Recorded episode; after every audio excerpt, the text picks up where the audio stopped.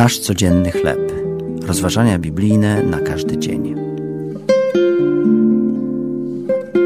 Pustynne miejsca. Tekst autorstwa Julie Ackerman-Link na podstawie księgi Izajasza, 48 rozdział, od 16 do 22 wiersza. Susza, pył, niebezpieczeństwo, pustynia. Miejsce pozbawione wody i wrogie życiu. Nie dziwi nas wcale, że słowo opustoszały określa miejsce niezamieszkane. Życie jest tam trudne. Niewielu ludzi się na nie decyduje. Czasami jednak nie możemy go uniknąć. W Piśmie Świętym lud Boży wiedział, co oznacza życie na pustyni. Wiele miejsc na Bliskim Wschodzie, włącznie z Izraelem, to pustynia. Istnieją jednak wyjątki, jak na przykład Dolina Jordanu i tereny wokół Morza Galilejskiego.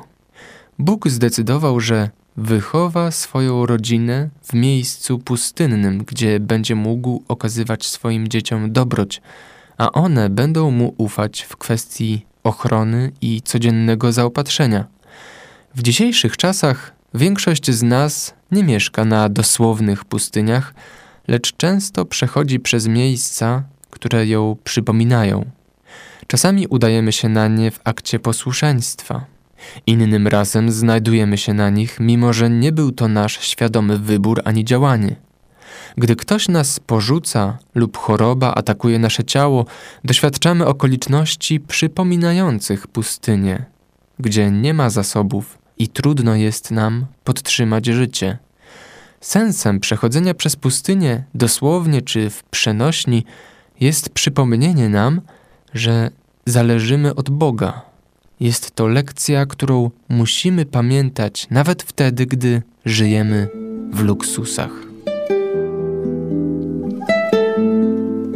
To były rozważania biblijne na każdy dzień. Nasz codzienny chleb.